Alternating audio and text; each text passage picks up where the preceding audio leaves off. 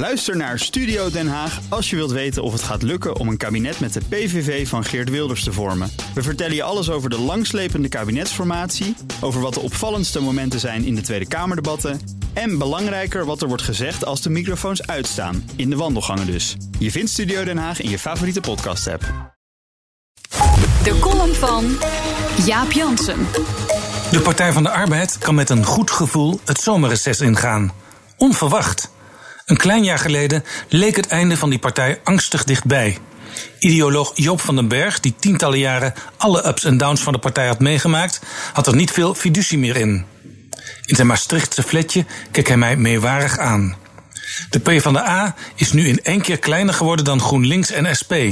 Als dat vaker gebeurt, is er klaarblijkelijk voor de sociaaldemocratie in deze vorm geen bestaansreden meer, zei hij. De PvdA als alliantie van de intellectuele middenklasse en de arbeidersklasse bestond niet meer. De ene helft, vooral de jongeren, stemde GroenLinks en de andere SP. Ik vond het schokkend. Als zelfs de man die alles meemaakte voor zijn partij geen toekomst meer ziet, dan houdt het echt op, dacht ik. En zie, inmiddels lijkt GroenLinks electoraal het plafond te hebben bereikt en de SP is zo ver teruggevallen dat ze zelfs verdween uit het Europees Parlement.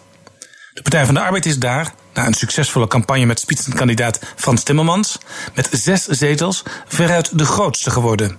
In nationale peilingen is ze inmiddels het CDA voorbij, met, op niet eens zo'n grote afstand, alleen nog Forum en VVD voor zich. Eerder al, bij de verkiezingen voor de Eerste Kamer, bereikte de Partij van de Arbeid haar belangrijkste twee strategische doelen. Het kabinet heeft geen meerderheid meer en de PvdA kan die in haar eentje leveren. Ze hoopte op een minderheidskabinet om het Rutte en zijn bewindslieden moeilijk te maken. Door de electorale groei heeft de partij inmiddels zoveel zelfvertrouwen dat ze eisen kan stellen om de coalitie uiteindelijk gemakkelijk te maken.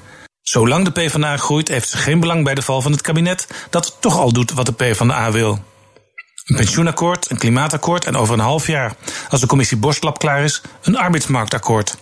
Daar kunnen ze uitkomen. Als het kabinet op Prinsjesdag bekendmaakt dat een groot deel van de beloofde verlaging van de vennootschapsbelasting geschrapt wordt ten gunste van de koopkracht, zal PvdA-leider Lodewijk Asscher zeggen: het gaat de goede kant op. In 1989 kondigde denker Francis Fukuyama het einde van de geschiedenis aan. Het liberalisme had definitief gewonnen, vond hij. Eind vorig jaar verzuchtte Fukuyama in het blad The New Statesman: het socialisme zou terug moeten komen. Het verlangen naar het Rijnlandse economiemodel, een sociale invulling van het kapitalisme, klinkt inmiddels breed. Ook bij CDA, D66 en zelfs in de VVD. Traditionele PvdA-onderwerpen zijn helemaal terug van weg geweest. Er staan nu thema's op de rol waarvan die partij in de ogen van veel kiezers de eigenaar is. Waar oud D66-leider Alexander Pechtold vroeger vanuit de oppositie eisen kon stellen die vaak werden ingewilligd, kan nu Ascher dat doen. En mocht het richting de verkiezingen in de peilingen toch weer even tegenzitten, dan volstaat een telefoontje naar Brussel. Frans, we hebben je nodig. En dat zei Jaap Jansen, onze columnist, op donderdag. En dan wil u zijn column terugluisteren als een andere columns... of alle columns van andere columnisten, kan dat in de BNR-app of op bnr.nl. Daar vindt u trouwens ook al onze podcasts.